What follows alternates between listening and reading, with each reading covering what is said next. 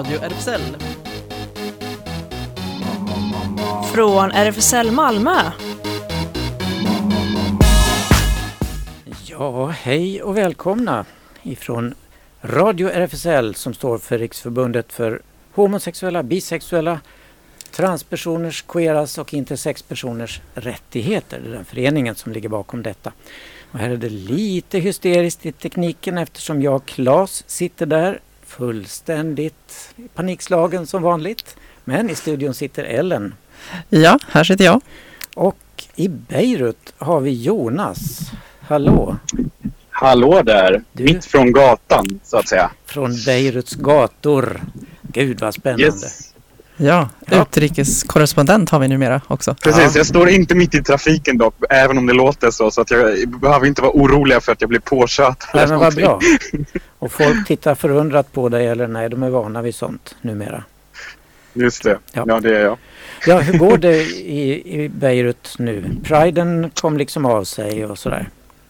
Ja, precis. Eh, Det är ju, även om man nu ska kalla det för en Pride-vecka som eh, har hänt nu. Den är ju officiellt över nu. Ehm, men det var verkligen... Eh, det blev nog inte någon Pride så. Jag har snackat med en hel del folk också och vi har ju kommit fram till att Pride är nog hela året faktiskt. Um, och sen finns det också flera röster som säger att ja, ah, vi vet inte riktigt om den här typen av Pride, om uh, det här landet faktiskt är redo för det än. Så det kanske inte är en så bra idé tyckte många. Nej, nej. Det kanske är för tidigt i den delen Ja. av världen. Och också på något sätt frågan liksom huruvida det ska vara för att även i andra ställen, eh, på andra ställen i världen är det ju, har det ju varit oftast eh, så, kan ju vara rätt så kommersiella evenemang och så. Så att det är också en ganska så här bra basic frågeställning om eh, vad betyder Pride egentligen och vad, vad, vad, vad innebär det liksom? Vad ska jag vara proud över så att säga? Så det eh, har jag försökt att samla in lite röster Ja, och eh, fått ganska bra intryck redan. så bra. Eh, Du har också laddat in lite grann här som vi får ta fram så småningom. Men första låten har du valt. Vad kan Precis. det tänkas vara? Eh, Nancy Eiram, jag har återigen eh, försökt att gräva lite i topplistan på Spotify och eh, Shazam och alla de här ställen där, där det finns topplistor. Och eh, Nancy Eiram är, hon är en riktig så här arabisk eh, världskändis kan man väl säga. Hon eh, har skrivit miljontals poplåtar och den här har jag faktiskt själv hört många gånger nu under de senaste sju, åtta, nio dagarna här i Beirut. Den kommer, den kommer man inte riktigt undan kan jag säga. Aha, men då kommer hon här.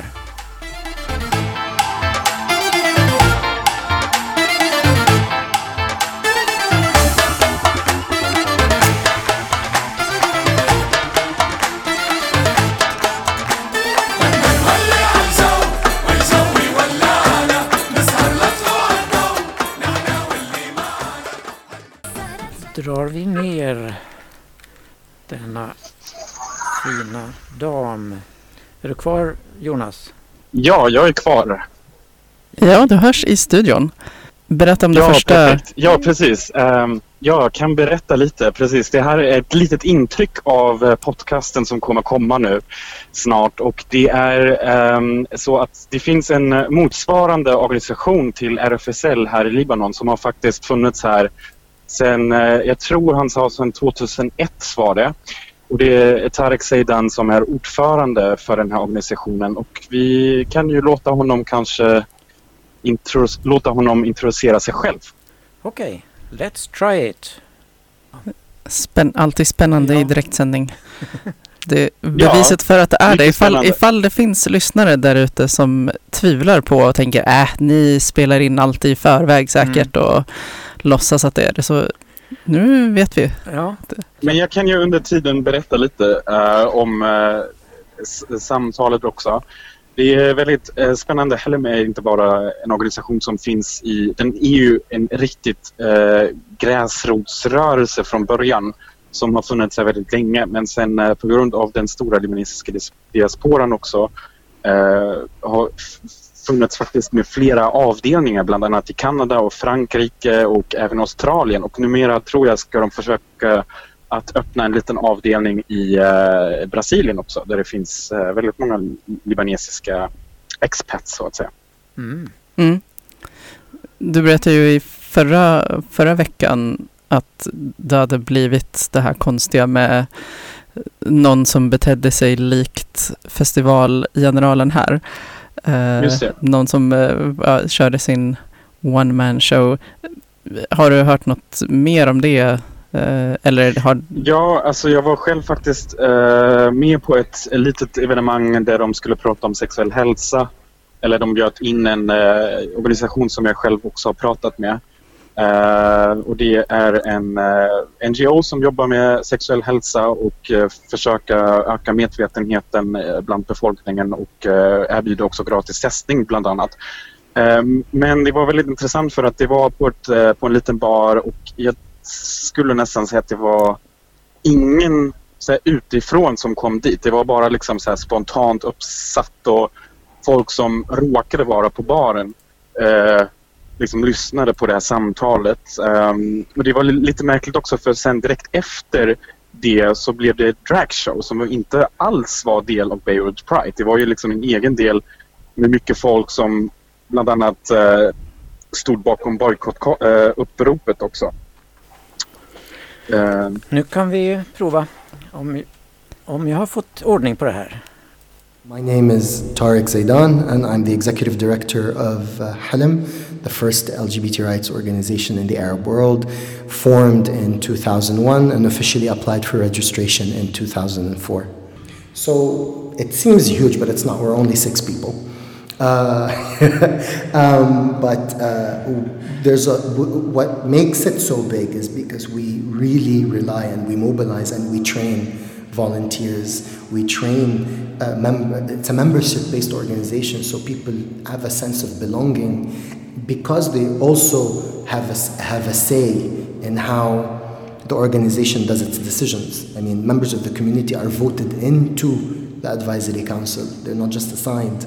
Uh, and people see themselves reflected in the diversity of the organization. So that's why we can do so much with so little resources.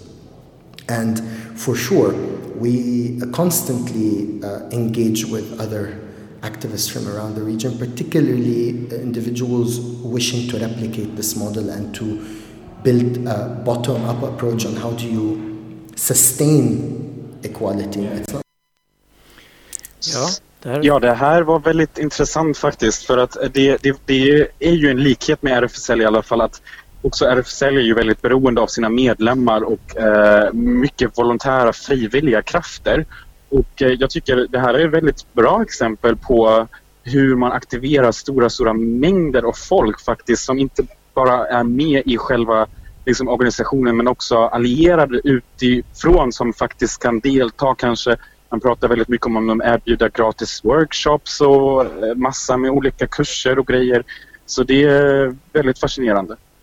Om möjligt organisera då med inte så mycket resurser, som man sa. Precis, men det, det är också det som är ju intressant att um, det handlar också lite om att de här resurserna att att eh, när man ansöker, som, eh, när man ska bli själv medlem då, då ska man också i ansökan faktiskt skriva vad man själv tänker bidra med.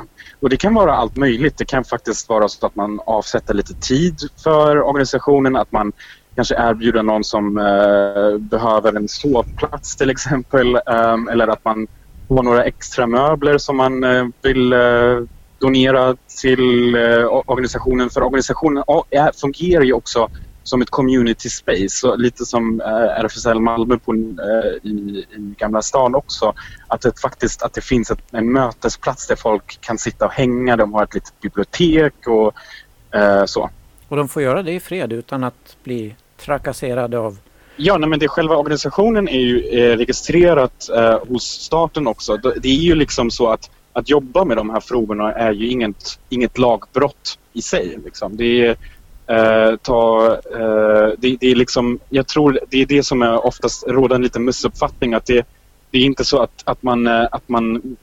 Det beror ju väldigt mycket på vem man är och vad man gör och i vilken kontext det är. Men sen är det också intressant att det finns ändå en viss uppfattning och det kan man till och med läsa på, på utrikesdepartementet här i Sverige att när man eh, som homosexuell åker till eh, Libanon då finns det en viss, för, alltså en viss uppfattning om att det är relativt liberalt eh, och att det känns som att för ett för, för jämförelse med andra arabiskspråkiga länder så känns det relativt lätt att vara liksom öppen kring sin sexualitet och så.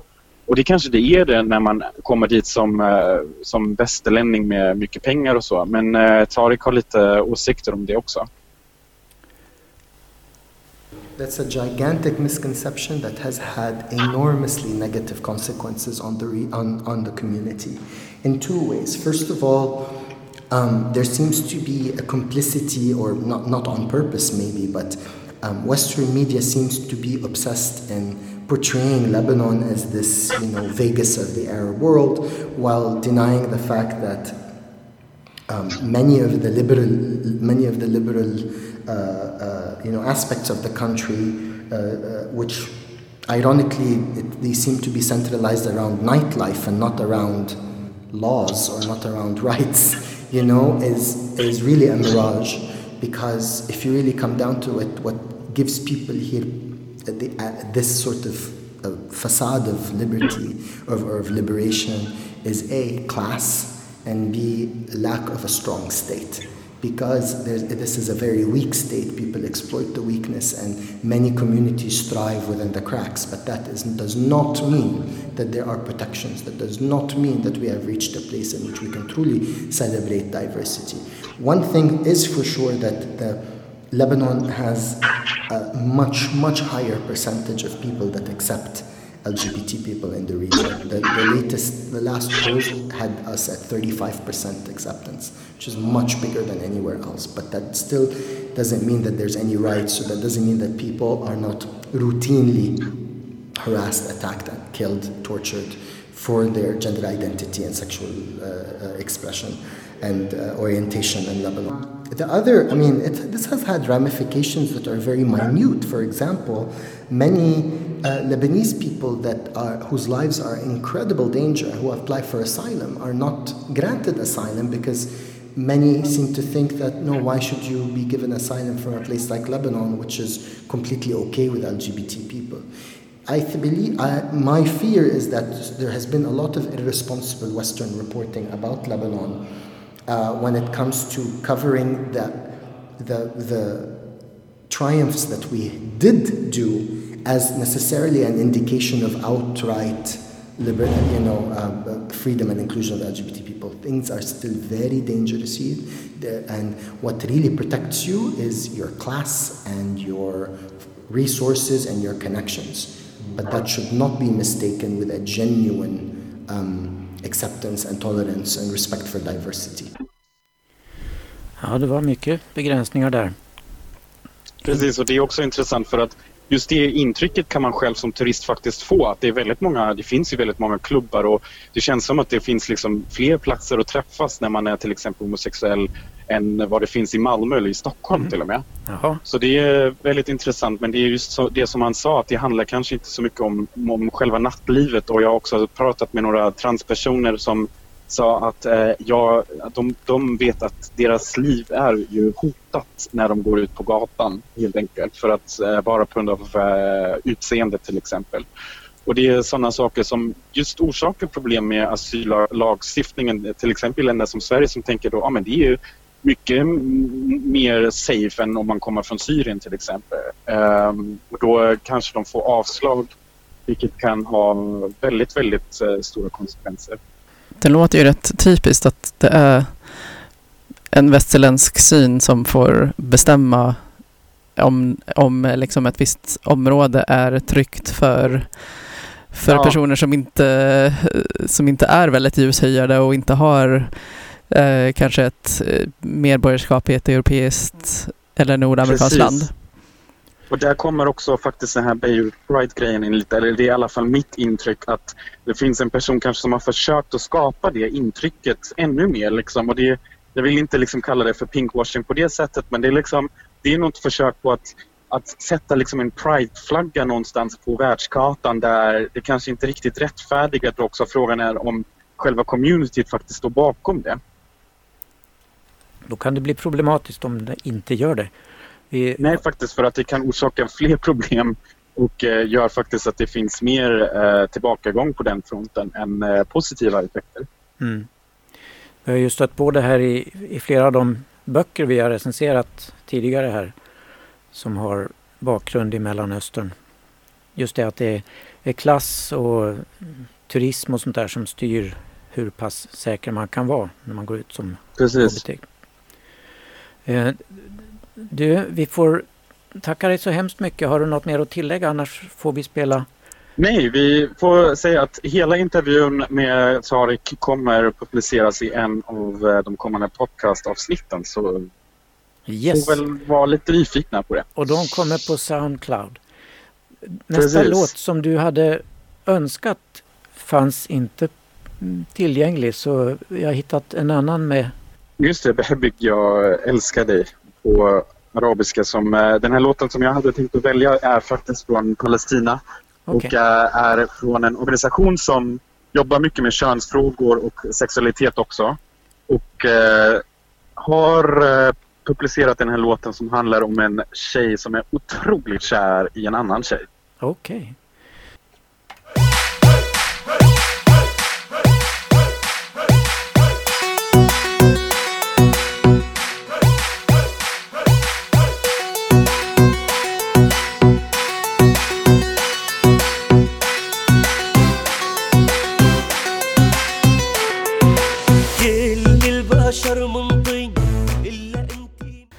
Ja, då går vi till eh, den första av våra tre recensioner.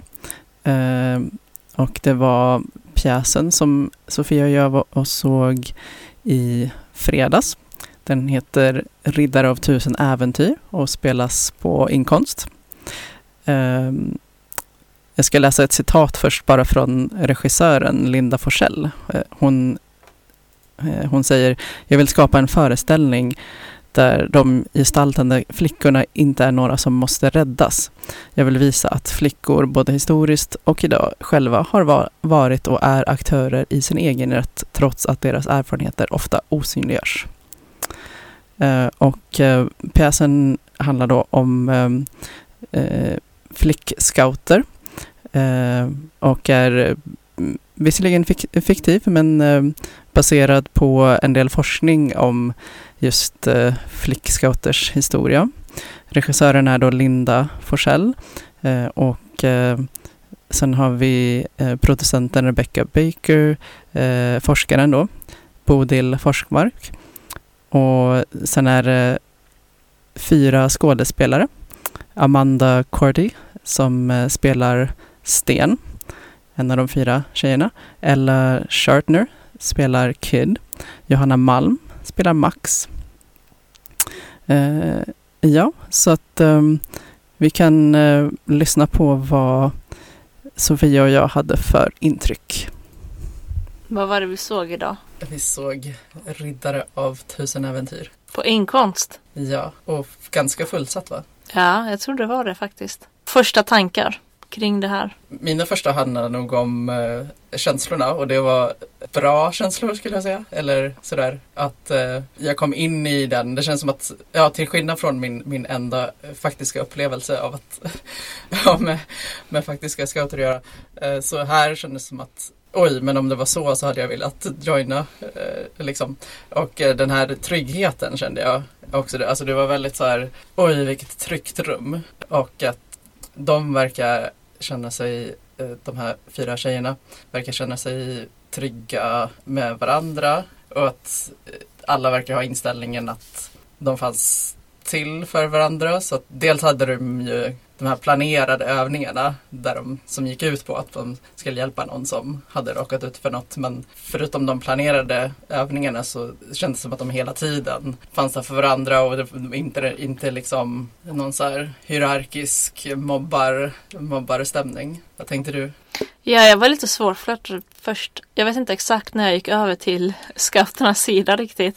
Jag tyckte den verkade spännande men jag, jag eh kände mig inte så, eh, så starkt för den tills någonstans där kanske en tredjedel in så kände jag så här, nej men det här är...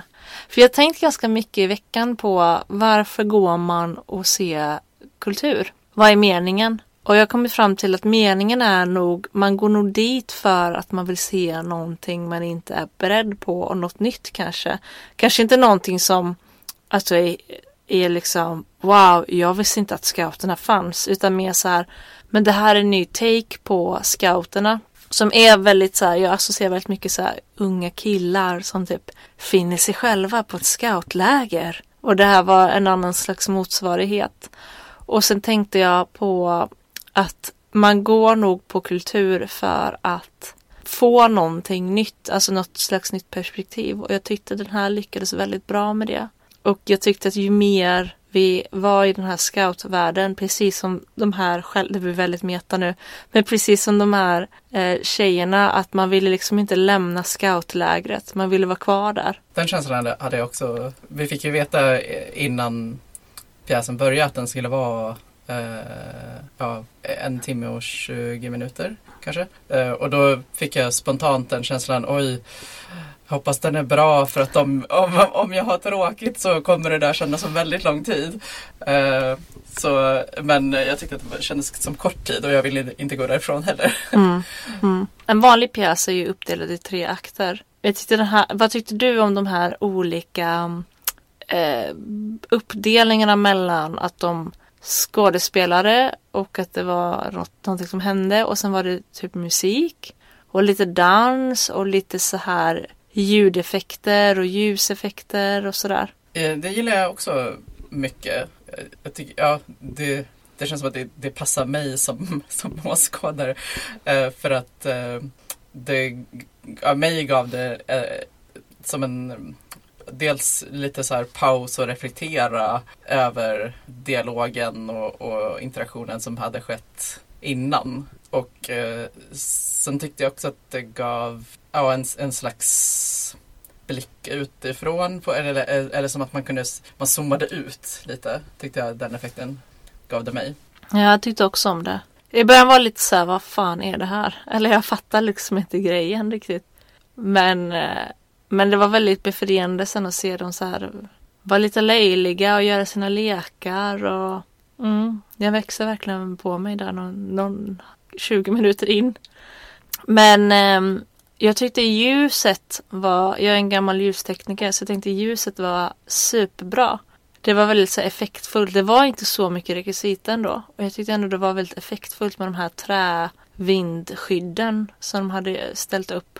Och eh, ja, men så här åskan med så här, som man illustrerar med en strobe.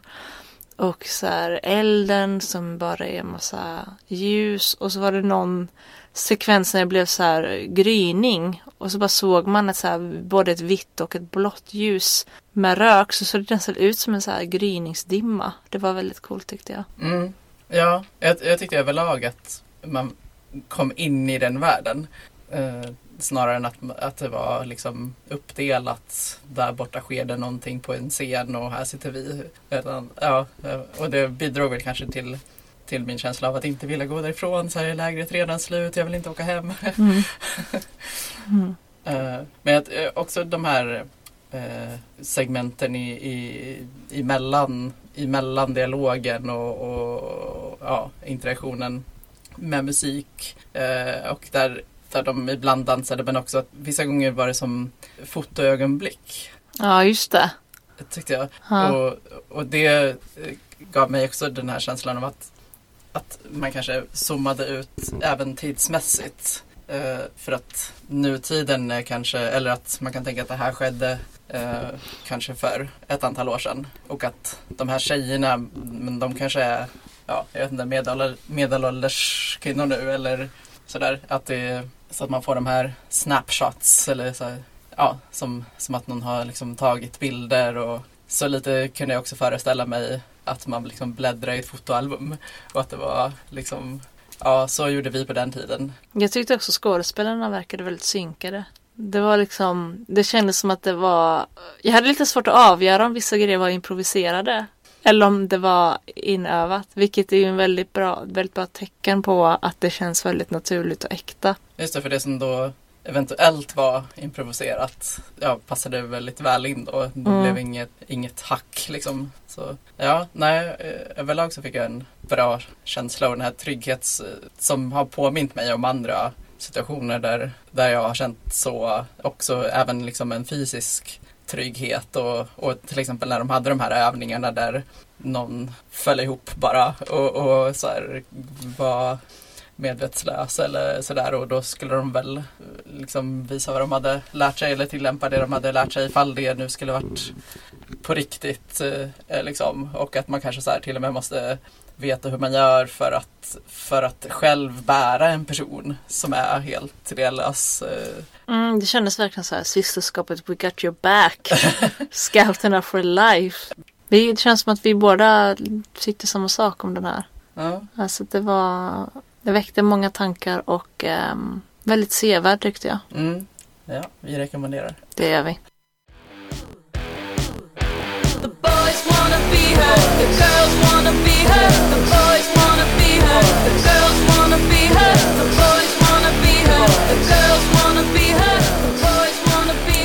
Boys Wanna Be Here med Peaches. Den har vi spelat förut men uh, spelar den nu igen med anledning av att det var en av eh, de här peppiga systerskapslåtarna som spelades under pjäsen. Ja, vad kul. Ja, det lät verkligen som någonting man ville stanna kvar i om man som tjej kände igen sig i flickscoutvärlden. Ja, jo verkligen. Ja, vi vill inte gå hem. Okej. Eh, Sydsvenskan var lite mer njugg i sin recension. Ja, jo jag läste den. Det var lite... Ja, Ja, hon kände inte igen sig. nej. Ja, ja. Vi går vidare. Vi har fler recensioner. Igår hade vi en häftig dag, du och jag, Ellen. Verkligen. Eh, Började i framtiden och slutade i forntiden. Eller samtiden. både och Ja. slutade de med. Ja, Ja. precis. Ja. Det började en pressvisning av filmen Gemini Man eh, som eh, kommer att ha premiär på fredag på åtminstone Filmstaden. Eh, och det är Ang Lees senaste. Alltså Ang Lee känner vi ju igen från Crouching Tiger, Hidden Dragon och Life of Pi och Brokeback Mountain framförallt. Eh, och det är Will Smith som spelar Henry Brogan, 51 år gammal. Mm. På Och- riktigt. På riktigt, han också. både i verkligheten och i filmen. Och så spelar han också Junior som är 23 år gammal, som är liksom en kopia av honom själv. Digitalt skapad. Ja, häftigt. Med, fullt med sådana här punkter fastsatta i ansiktet så att minspel och sånt där blir korrekt. Det var eh, helt verklighetstroget. Ja, ja, jag var imponerad. Jag tyckte de första scenerna när man såg den här uh, Junior att det var, det var något lite udda men ändå trodde jag att det var en person. Så att, uh, uh, men sen när jag läste mig till att nej, det, det var helt genererat från, från Will Smith själv då. En, en yngre digitaliserad version. Det kännas häftigt för honom att se sig själv igen som ung. Ja, Ja, alltså det handlar om, om eh, Will Smith och Henry Brogan som är en otroligt skicklig lönnmördare i regeringens tjänst eller CIA eller vad det nu var för organisation. Som eh, ska pensionera sig men han vet för mycket så att hans forna chefer som är skumma förstås vill bli av med honom och då sätts den här klonade typen in som ska efterträda honom för att han har mycket bättre egenskaper och sånt där. Trots att Henry är den bästa som fanns. mm. Och så stöter han på eh, medhjälpare då. Mary Elizabeth Winstead spelar Danny Sakar, Sakarwiski som är en tjej som kommer att följa honom. Hon var egentligen satt att bevaka honom men eh, hon byter sida då. Och den stygga skurken eh, Clayton Clay Varys spelas av Clive Owen och han är chef för det här Gemini-projektet. Och ja, och så är det en massa andra. som också är med och det är en 3D-film i den allra senaste 3D-tekniken. Den spelas med dubbelt så många eh, rutor per sekund som tidigare då. Mm. Jag måste säga att jag var väldigt imponerad. Trots att jag var skeptisk innan. Jag har aldrig provat sådana här 3D-glasögon förut och bara, äh, vad är det för trams? Det funkar säkert inte som utlovat. Men det tyckte jag verkligen att det gjorde. Eh, särskilt med de här scenerna när de plumsar i vatten så att det stänker och det var några gånger som jag nästan så här kastade mig bakåt för att inte få stänk på mig. Ja, Ja. precis. Mm. Ja. Den har inte så himla mycket hbtq-kopplingar direkt. Men det är ju lite generationskonflikter och sånt där kanske. Ja. Ja, det är väl också maktaspekt tänker jag och viss historisk koppling för att om de faktiskt hade gjort så som i filmen så vore det inte kanske riktigt första gången eh, historiskt sett. Alltså det har ju förekommit bland annat som del av, av slaveri av svarta i USA, eh, faktiska systematiska försök att, att liksom avla fram bättre, ja, starkare slavar eh, med vissa fysiska egenskaper. Och så har vi ju fåret Dolly, heter det va, som klonades fram. Just det. Och hur många försök som pågår med att klona människor, det vet jag inte. Det kanske är överallt i Kina och i, ja sådär. Så rätt vad det är har vi Gemini Man här bland oss. Mm. Men eh, som sagt, se gärna filmen. Eh, Forever Young kanske kan passa in här, eller? I wanna be forever young. Do you really wanna live forever? Do you really wanna live forever?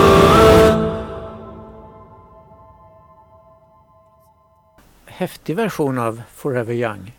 Ja, väldigt dramatisk. Mm. Ger lite känslan man fick under filmen. Ja, verkligen. Och då ska vi vidare till Drömmen, dansföreställningen vi var på Ja, senare igår.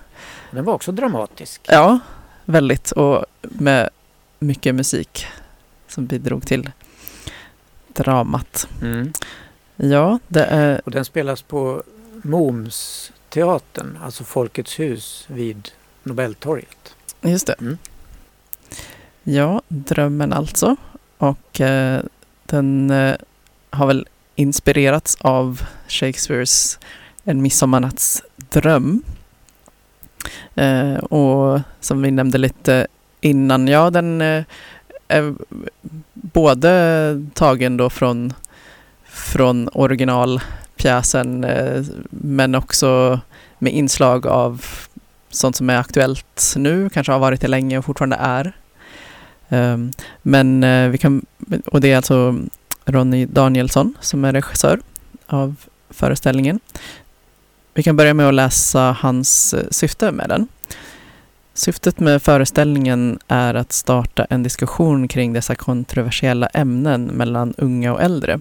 Vi vill lyfta frågan kring det förtryck som många människor upplever dagligen kopplat till olikheter och normkritiska livsval för att arbeta mot ett samhälle präglat av acceptans och kärlek. Ja, han får ju in både eh, tvångsäktenskapsfrågan och hederskulturen och allt möjligt i den här föreställningen. Ja, och som jag förstod det också cis, eh, ja, cis-norm, ja, andra, andra positioner än cis-positioner. Eh, och hur de kan straffas också, Mm. uppfattar jag det som. Mm. Ja, det är ju väldigt lite text. Ibland kommer en, eh, en röst i bakgrunden som säger att, eh, vad heter hon då, Hernia måste gifta sig med eh, Demetrius fast hon inte alls vill det egentligen. Och så. Mm. Just det, så ja, precis. Några gånger får man en, ja det blir som en eh, eh, ja, berättarröst som, Mm. som kommer in. Men det allra mesta är visat genom dansen och musiken. Och eh, vi ska, kanske ska nämna lite fler namn då, förutom regissören Ronny Danielsson så är producent Helena Cederins, koreograf Roger Lybeck, dramaturg Kristina Gottfridsson och eh, några av dansarna eh, och artisterna kan vi också nämna Isak Hellman, Adnan Sahurik, Wanda Berntsson, Maria Pil. Ja, några få. Det var Ja. nio totalt tror jag. Och väldigt olika åldrar. Monica Okielska till exempel är 70 år gammal. Och de här två killarna, Adnan och Isak, de är 25 och 27 år. Och Isak var ju, han var så vacker tyckte jag. Dansade. Först var de klädda i någon slags lite medeltida bylsblusar och bylsbyxor och sånt där. Sen tog de av sig det och var i sina små kalsingar och hans var vackrast. Mm. Kritvita och tajta. Sånt gillar vi. Ja. ja. Men de var så duktiga. Och de Verkligen. dansade verkligen med, med känsla och förmedlade känsla också tycker jag. Mm. Jo, jag, jag tycker hela, hela föreställningen var verkligen eh, välgjord och eh, mm, jag kände mig också ja, som att jag liksom söks in i det. De var väldigt bra på att skapa den eh, så att man liksom nästan var oms, omsluten kan man säga av föreställningen. Ja, man begrep ju vad det handlade om även om man inte hade den talade texten klart för sig Mm. helt och hållet. Och vissa scener var ju verkligen, jag uppfattade som att de var menade att visa ja, tortyr, inte bara misshandel men, men också tortyr och fångenskap och som man kan föreställa sig också, ja dels så kan det ju såklart ha skett saker, ja eller det vet vi ju att det gjorde eh, för hundratals år sedan men även nu tyvärr också, man kan ju tänka sig i nutid att det här är människor som eh, utsätts för att de lever i en hårt eh, transfob, ett hårt transfobt samhälle, eh, ett hårt heteropatriarkalt samhälle där allt som inte exakt passar in straffas. Mm. Och du måste gifta dig med din kusin och hör sen. Ja, Ja, ja. Midsummer Madness kan väl passa bra ihop med detta.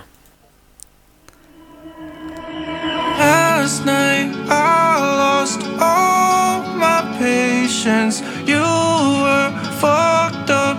I was wasted. Midsummer madness. I can't take. Midsummer Night Madness. Då går vi över till nyheter. Just nu debatterar, eh, debatteras RFSL, vår politik och vårt arbete mycket i sociala och traditionella medier, säger RFSLs förbundsordförande Sara Ein eh, i ett brev till oss alla ute i landet. Det har under veckan handlat om två saker, fortsätter hon.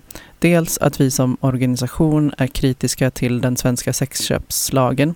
Det är inte ett nytt ställningstagande men debatten har tagit fart som ett resultat av att sexköpslagen fyller 20 år och pratas om på flera konferenser just nu.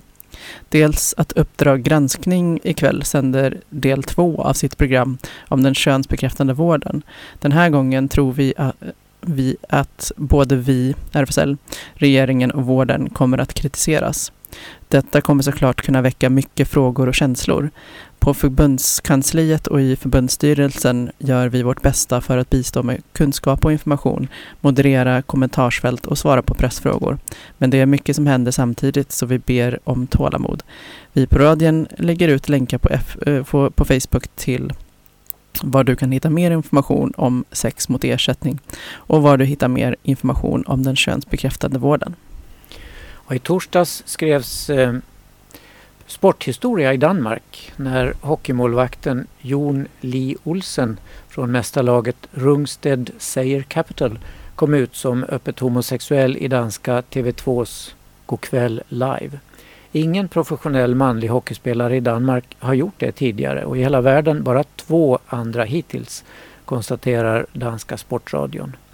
Den 27-årige reservmålvakten säger att beslutet att komma ut har mognat fram under flera år men eh, att han nu kände sig redo för allt vad det skulle kunna komma att innebära. Det är klart att risken finns att vissa hånar mig när jag spelar matcher, säger han. Men han hoppas att han kan ge andra mod också att komma ut. Och han eh, har helhjärtat stöd ifrån danska ishockeyunionen och det danska landslaget där kaptenen Peter Regin beundrar Li Olsens mod. Och Jon Le Olsen var förra året med om att ta hem DM-guldet med Rungstedklubben. Och Jon kom ut i nära anslutning till en klassisk dag. 11 oktober, National Coming Out Day. Grundades eh, 1988 av eh, Robert Eichberg Eh, och John O'Leary i West Hollywood, Kalifornien. Eh, eh, Eichberg, som dog 1995 i komplikationer från aids, var en psykolog från New Mexico. O'Leary var en öppet lesbisk politisk ledare och gammal aktivist från New York som då var chef för National Gay Advocates i Los Angeles. Började som lokalt firande men hade redan 1990 spritt sig över hela USA. Runt 2000 firades dagen, efter, eh, dagen även på många andra håll i världen.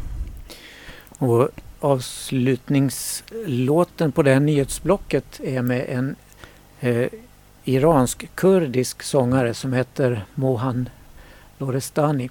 Och han riskerar nu att dömas till fängelse i Iran eftersom han avslöjades i en eh, chatt ihop med en annan kille. Så han anklagas för att vara homosexuell. Och i Iran är det verkligen dödsfarligt att visa det.